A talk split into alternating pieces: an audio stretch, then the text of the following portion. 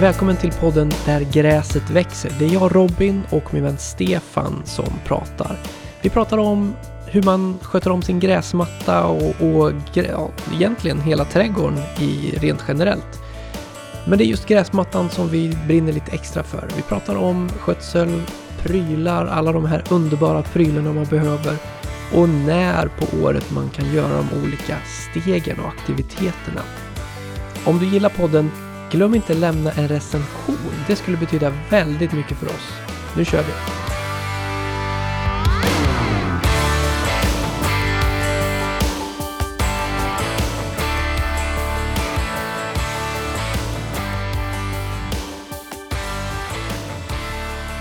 Du, Stefan, har du tagit jordprov någon gång och skickat in? Eh, nej, jag tänkte faktiskt eh, ta tag i det i år. Det var ju, planen var att göra det redan eh, förra året faktiskt.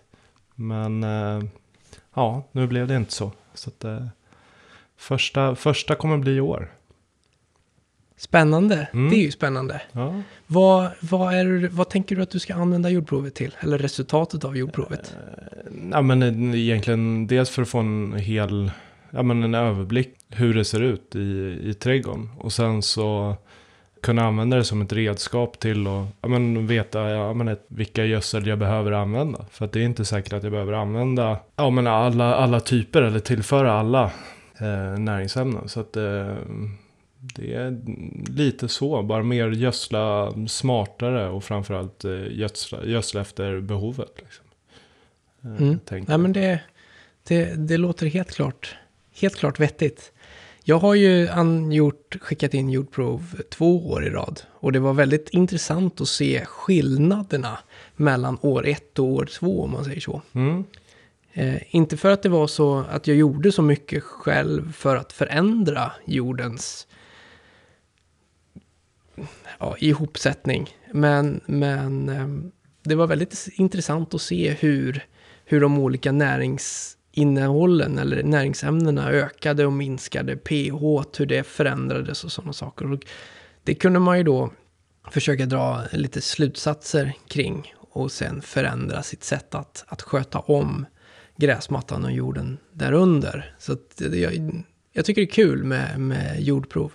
Mm. Hur gjorde du de, de gångerna du skickade in då? Jag, eh, jag tog en, en hink, alltså rent praktiskt så, så, så tog jag en hink och sen så gick jag runt och eh, grävde hål i gräsmattan på många olika ställen. Jag tror att jag tog jord ifrån, om man tar ungefär 15 cm ner i, i, i, eh, i jorden, eller i gräsmattan. Tog ett fem, 15-tal hål där jag tog lite, lite jord eh, och sen blandade jag ner det till i den här hinken då. Och det är för att jag ska få ett, ett medelvärde snarare än, än bara en del av gräsmattan. För det kan ju vara så att, att det är en del som inte är representativ för resten av, av själva, själva gräsmattan. Så att jag, jag vill liksom få till ett, ett snitt ett snittprov på hela gräsmattan. Det kommer inte vara exakt, det kommer inte vara rätt över liksom så, men det är mer rätt än om man bara tar på ett, ett ställe.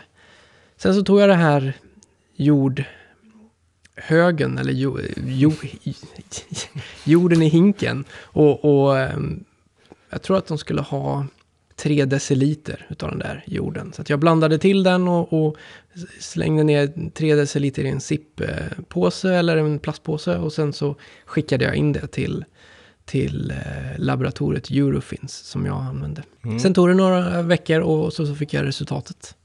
Ja, det går ju, man kan ju ta, skulle det vara så så kan man ju, skulle det vara väldigt stor skillnad som man vet om på tomten, då kan man ju dela upp det också. Och göra fler om Ja man känner absolut. så. Du, det är ju, det är ju, det är ju din egen, det är ju plånboken som bestämmer hur många, hur många prov du, du vill ta. Varje prov kostar ungefär mellan 500 och 1000 kronor beroende på hur mycket information du vill ha. Mm. Så ehm, vill du ha fler prover så får du betala mer helt enkelt. Det är inte svårare än så. Nej. Jag tror det ligger väl i alla fall, de har väl tre olika nivåer till villaägare i alla fall. Eller Det, det, det vet jag inte faktiskt. Jag har bara använt de två, eh, de två, i så fall de två lägsta Mm. nivåerna, eller de billigare nivåerna. Jag har betalat eh, det för, för 500 och det för 1000. Nu är det inte exakta priser, så det kan mycket väl vara så att det är 395 och, och 970 eller någonting sånt där. Men vi säger 500 och 1000. Eh, det för, för 500 är ju alldeles tillräckligt för, för en villaträdgård. Sen var jag ju såklart, som ni vet, intresserad av allt det här. Alla mikronäringsämnen och makronäringsämnen och, och sådana saker. Jordart och, och organisk materia, hur mycket procent och sånt det är. Så att jag ville ju ha den här lite mer avancerade provresultatet. Och då, då får man ju betala mer för det. Men som sagt, det, det, det lilla jordprovet eh, har gott om information som, som räcker. Hur tänker du kring, kring det? Nej, men jag, jag tror jag kommer lägga mig på den eh, mellan, mellananalysen. Av samma anledning att eh, vore, ska jag ändå göra det så gör jag hellre och får lite mer information. Även om, även om jag kanske inte kommer göra speciellt mycket med, med den extra informationen. Men, nej, men det känns väl rätt, eh, känns ju både och rätt viktigt att, att veta vad som händer i liksom, jorden också. För det, det, man får ju ett tydligt svar på om man gör något som är jävligt fel också. Ja, absolut. Så, det, så det, är inte, det, det handlar inte bara om att göra, liksom försöka anpassa och göra saker rätt.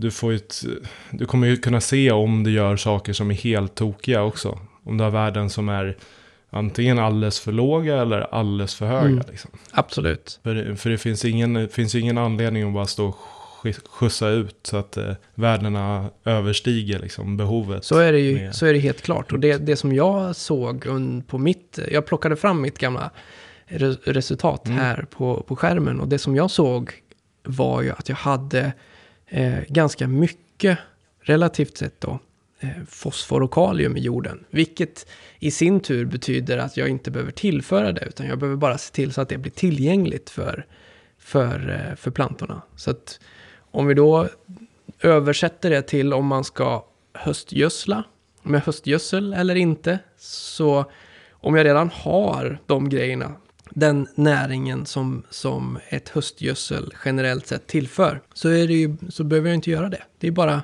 det är egentligen bara onödigt. Det ger en fantastisk insikt i hur din jord mår och vad du behöver och framförallt vad du inte behöver.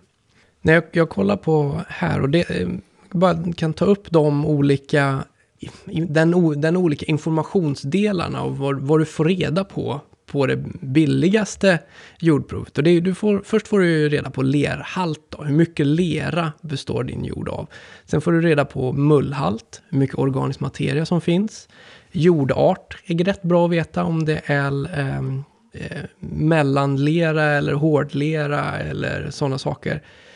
Det är mest för att veta hur, hur mycket, hur bra dräneringen är, skulle jag vilja säga. Jag tror att det kan ju också vara där många blir chockade. För det känns ju som, i många fall så tror man att man har något för att man har skrapat lite på ytan. Och sen så visar det sig att det är något helt annat som, som du faktiskt har. Liksom. Absolut. Att, eh, Jag har ju sett många gräsmattor under de här senaste åren där de har undrat, folk har undrat varför de inte får gräsmattan att funka och det torkar ut lätt och sådär. Och sen så när man väl börjar gräva i det så ser man att det här är ju i princip bara, det är ju liksom, det är en sandjord.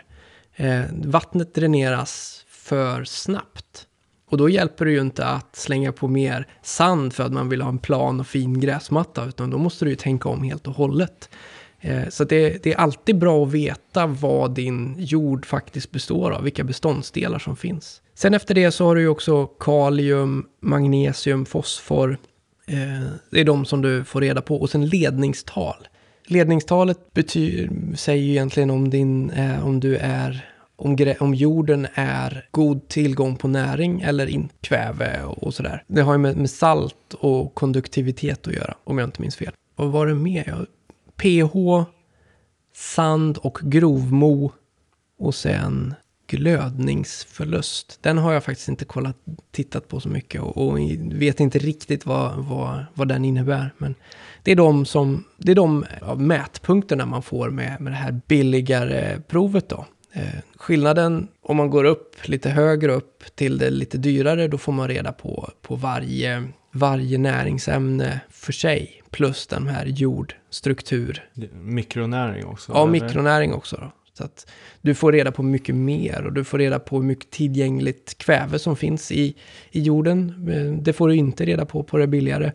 Men istället då så kan du använda ledningstalet till att ja, koll, tänka ifall den är undernärd eller inte. Ja, och det ska man väl generellt i villaträdgårdar så är ju kvävet rätt flyktigt. Så att det, där kommer det spela extremt stor roll vad du har gjort när du tar jordprovet också. Det är också en jätteviktig del i det här. Man ska ju absolut inte ta jordprovet under säsong. Alltså visst, det, du kan göra det. Och att ta ett jordprov är bättre än inget jordprov. Men när under säsong, när gräset växer och du väljer att gödsla och, och sådär, så blir ju inte jordprovet rättvisande. Det blir ett jordprov som visar hur mycket gödsel som finns kvar i din jord snarare än ett, hur jorden mår utan tillförd gödsel. Så bästa tiden på året att ta jordprov, det tycker jag nog är nu när det börjar, när kärlen går ur marken i vår här, precis tidigt, så tidigt på våren man kan.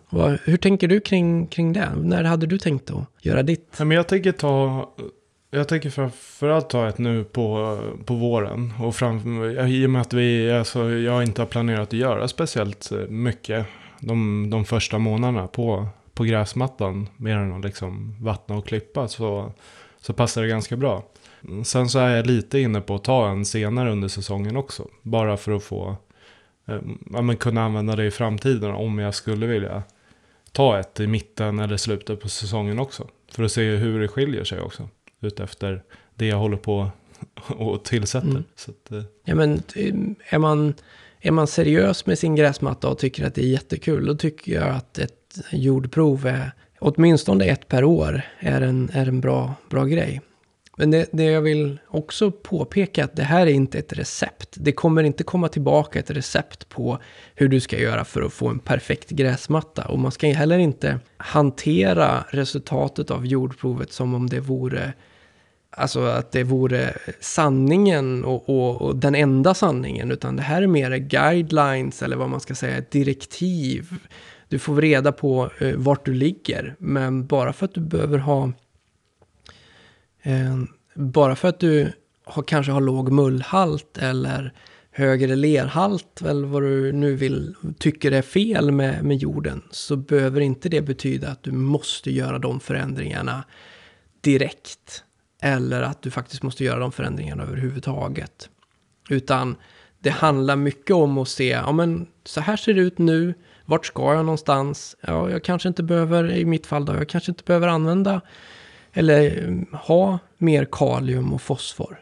Jag kanske inte behöver fokusera på det. Jag kanske till och med inte behöver köpa ett, ett, ett eh, vanligt gräsmattegödsel överhuvudtaget.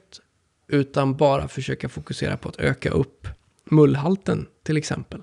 Det, man, kan, man kan tolka det på olika sätt. Och det är lite så jag använder min, mina resultat här. Jag tittar ju på eh, mullhalten och sen så tittar jag på pH. Inte för att jag kan göra så mycket åt pH. Eller säger man pH? Ja, pH. pH kanske ja. man säger. Eh, och, och sen så eh, funderar jag, liksom tittar jag på de olika när, makronäringsämnena, men jag gör inte så mycket åt det. Alltså som, som nu då, att jag inte, jag kanske slutar med någonting, eller gör någonting mindre, men jag ser inte så här, ja men okej, okay, jag har mycket fosfor och mycket kalium. Då ska jag öka på magnesium och kväve bara för att komma upp till någon sorts neutral nivå på de alla, eller på alla liksom makronäringsämnena. Det är inte, så tänker jag absolut inte, utan jag bara tänker att då behöver jag inte gödsla lika mycket med det där, eller du kan till och med, jag kan gå ner, gå ner i mängd. Mm. Men det är framförallt mullhalten och pH som, som jag tycker är det viktigaste för min, för min del. Jag vill hålla pH lågt så gott det går.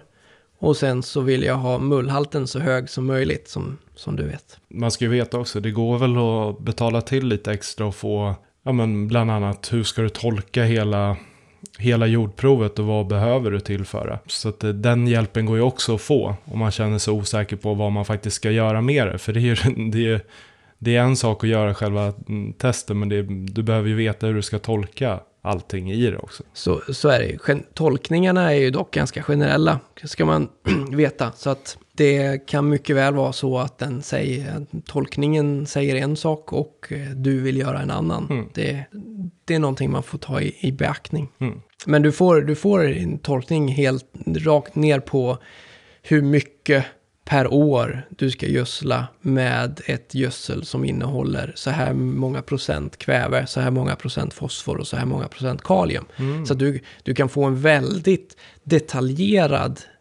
rådgivning eller vad man nu ska kalla det. Mm. Frågan är om det är på det sättet som du vill, du vill gödsla. Mm. Ja, det vet man aldrig. Det finns ju även också information om hur man ska tolka de här och vilka riktvärden som, som, eh, som man ska sträva efter. Mm. Så att det, du kan tolka ditt jordprovs, din, jord- din jordanalys utan att be om hjälp. Bara att du liksom gillar att, att läsa den här lilla informations eh, som, som kommer med. Okej. Ja, jag tror inte man fick så mycket information med faktiskt. Då, då har man tillräckligt där alltså.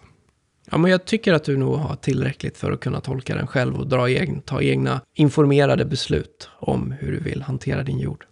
Det ska bli jätteintressant att se vad, vad, vad, vad resultatet blir på, på På din, mitt, din jord, Stefan. Ja. Det, hur, hur illa det är. Eller hur bra det är.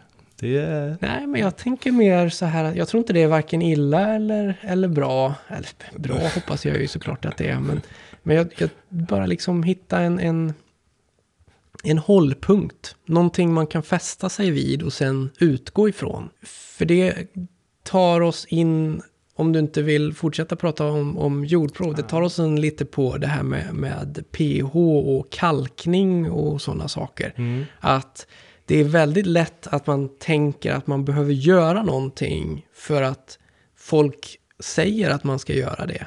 Och att det alltid har varit så, fast det kanske absolut inte är så.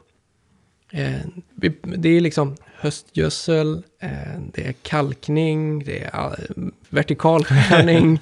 det är många saker som vi gör som, kanske inte, som det kanske inte finns ett behov av. Men man ser att andra gör det och, och, och eh, familjen har gjort det i alla år och, Mm. sådär. Vi har ju, vi, hemma hos mig, där körde vi ju med sån här mossrivare på rotorgräsklipparen, såna här piggar som man satte på. Eh, som förstörde gräsmattan helt och hållet varje år liksom. Det var, det var standard, det var det man skulle göra. Det är inte så konstigt att man gör så. För har någon haft en fin gräsmatta i 30 år och det funkar liksom. Det är ju klart som fan man vill göra så då. Det är, Ja, funkar det så funkar Men det, det behöver inte heller vara det enda sättet att göra det på. Och det kan också vara ett onödigt sätt att göra det. Exakt. Jag, jag är ju lat av mig. Även om det kanske inte man kan tro det på, på videos och sådana saker så, så är jag ganska lat. Så om jag kan slippa göra moment varje år så ska jag ju försöka slippa att göra dem. Det är inte sådär att jag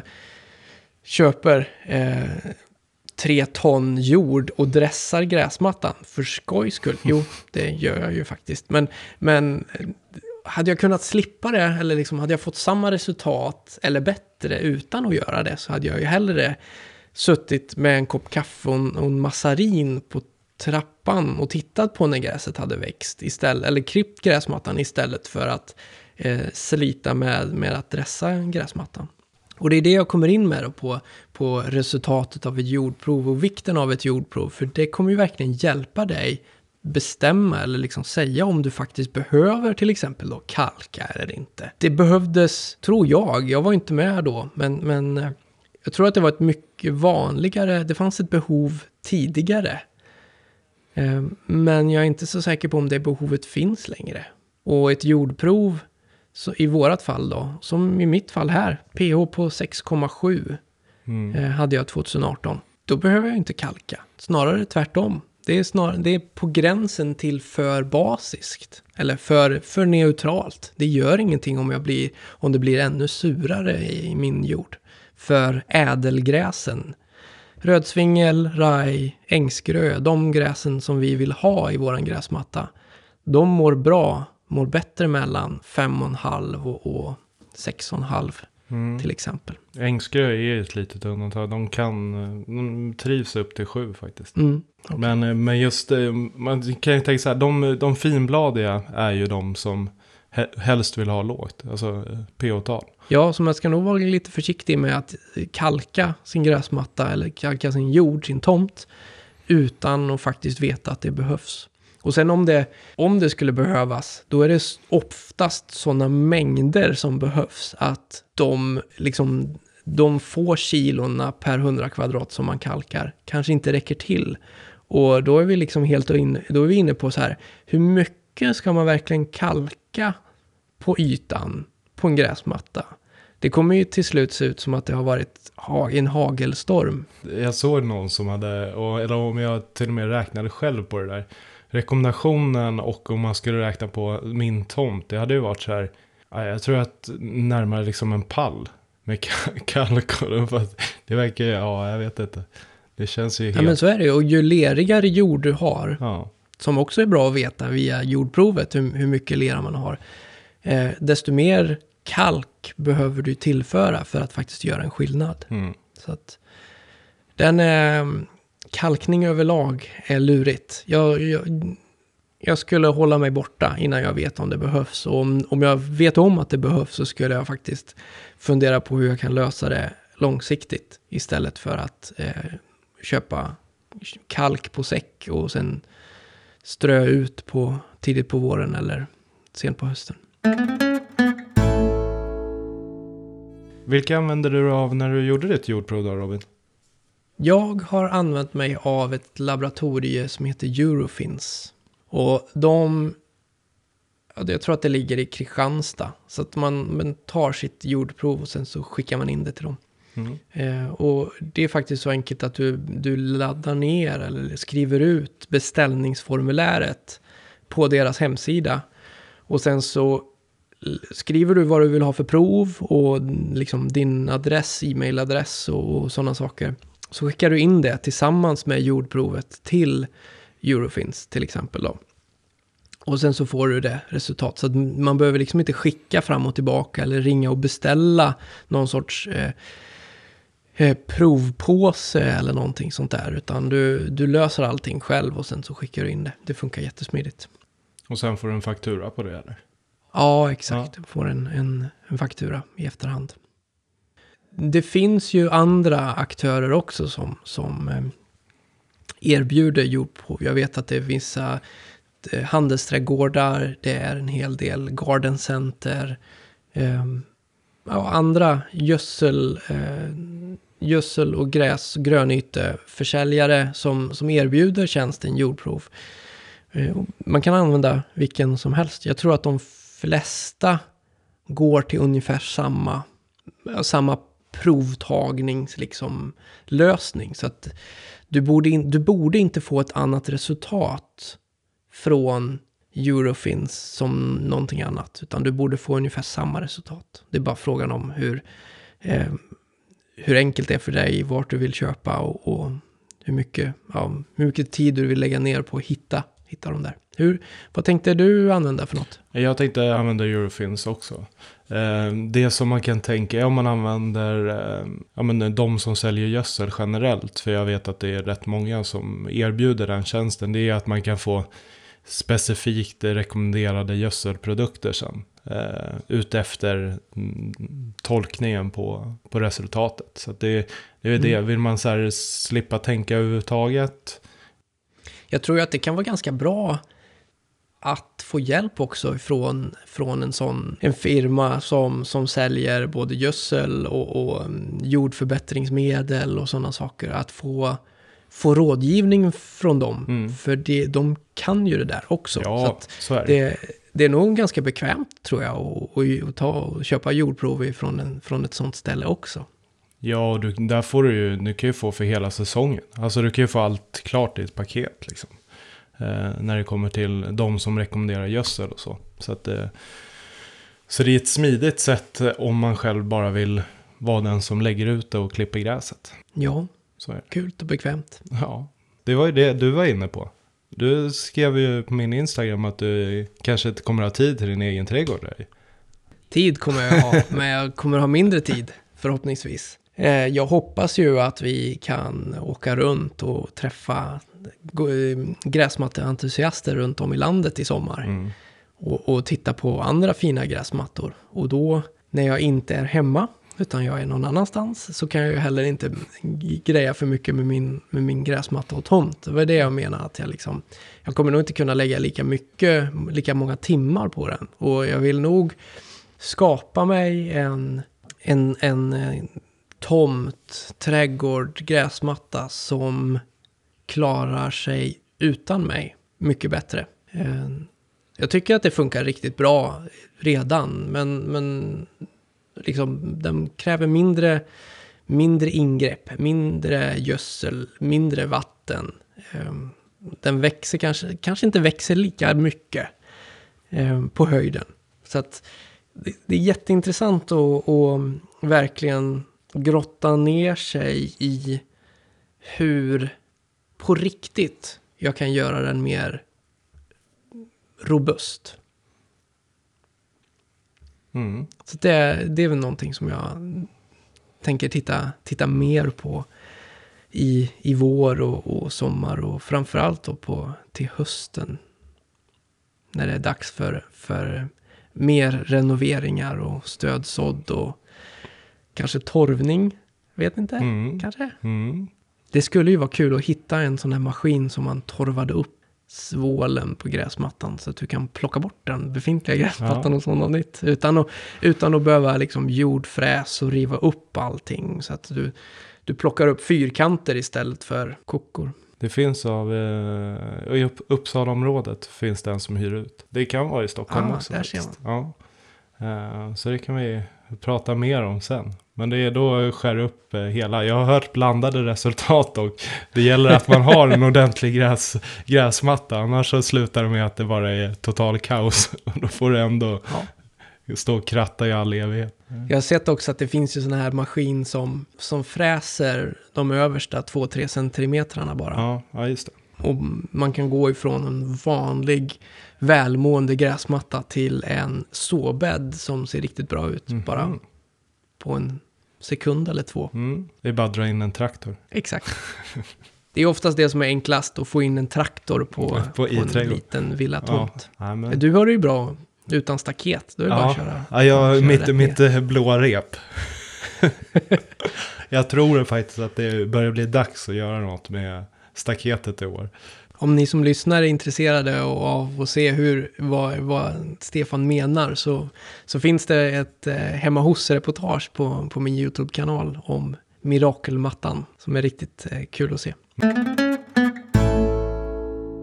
Vi har pratat om jordprov och vi har pratat lite om kalkning och planer. Sådär. Mm. Eh, Tanken är nu att vi, vi ska köra på här nu fram till, till man kan sätta igång ute och försöka hjälpa lyssnarna till och faktiskt hur man ska ta sig an den nya säsongen. Ja, bästa men exakt. Det, det, det håller jag med om. Vi, vi försöker hålla ställningarna. Eh, vad var det vi sa? Någonstans runt varannan vecka Mm. eller någonting sånt Mm. där. Eh, som, vi, som vi kommer släppa avsnitt. Och sen så kanske det blir oftare till sommaren. Mm. Det, det händer så mycket kul på, på våren. Någonstans runt mitten av april och framåt i alla fall här i Svealand. Eh, så från början av april så, så kanske det blir oftare än, än varannan vecka. Mm. Det, det vet vi inte riktigt ännu. Ja, Yes. men eh, stort tack för att ni har lyssnat och tack för, för det här avsnittet Robin. Tack själv och tack ni som lyssnar. Vi ses i nästa avsnitt. Ha det bra. Hej då.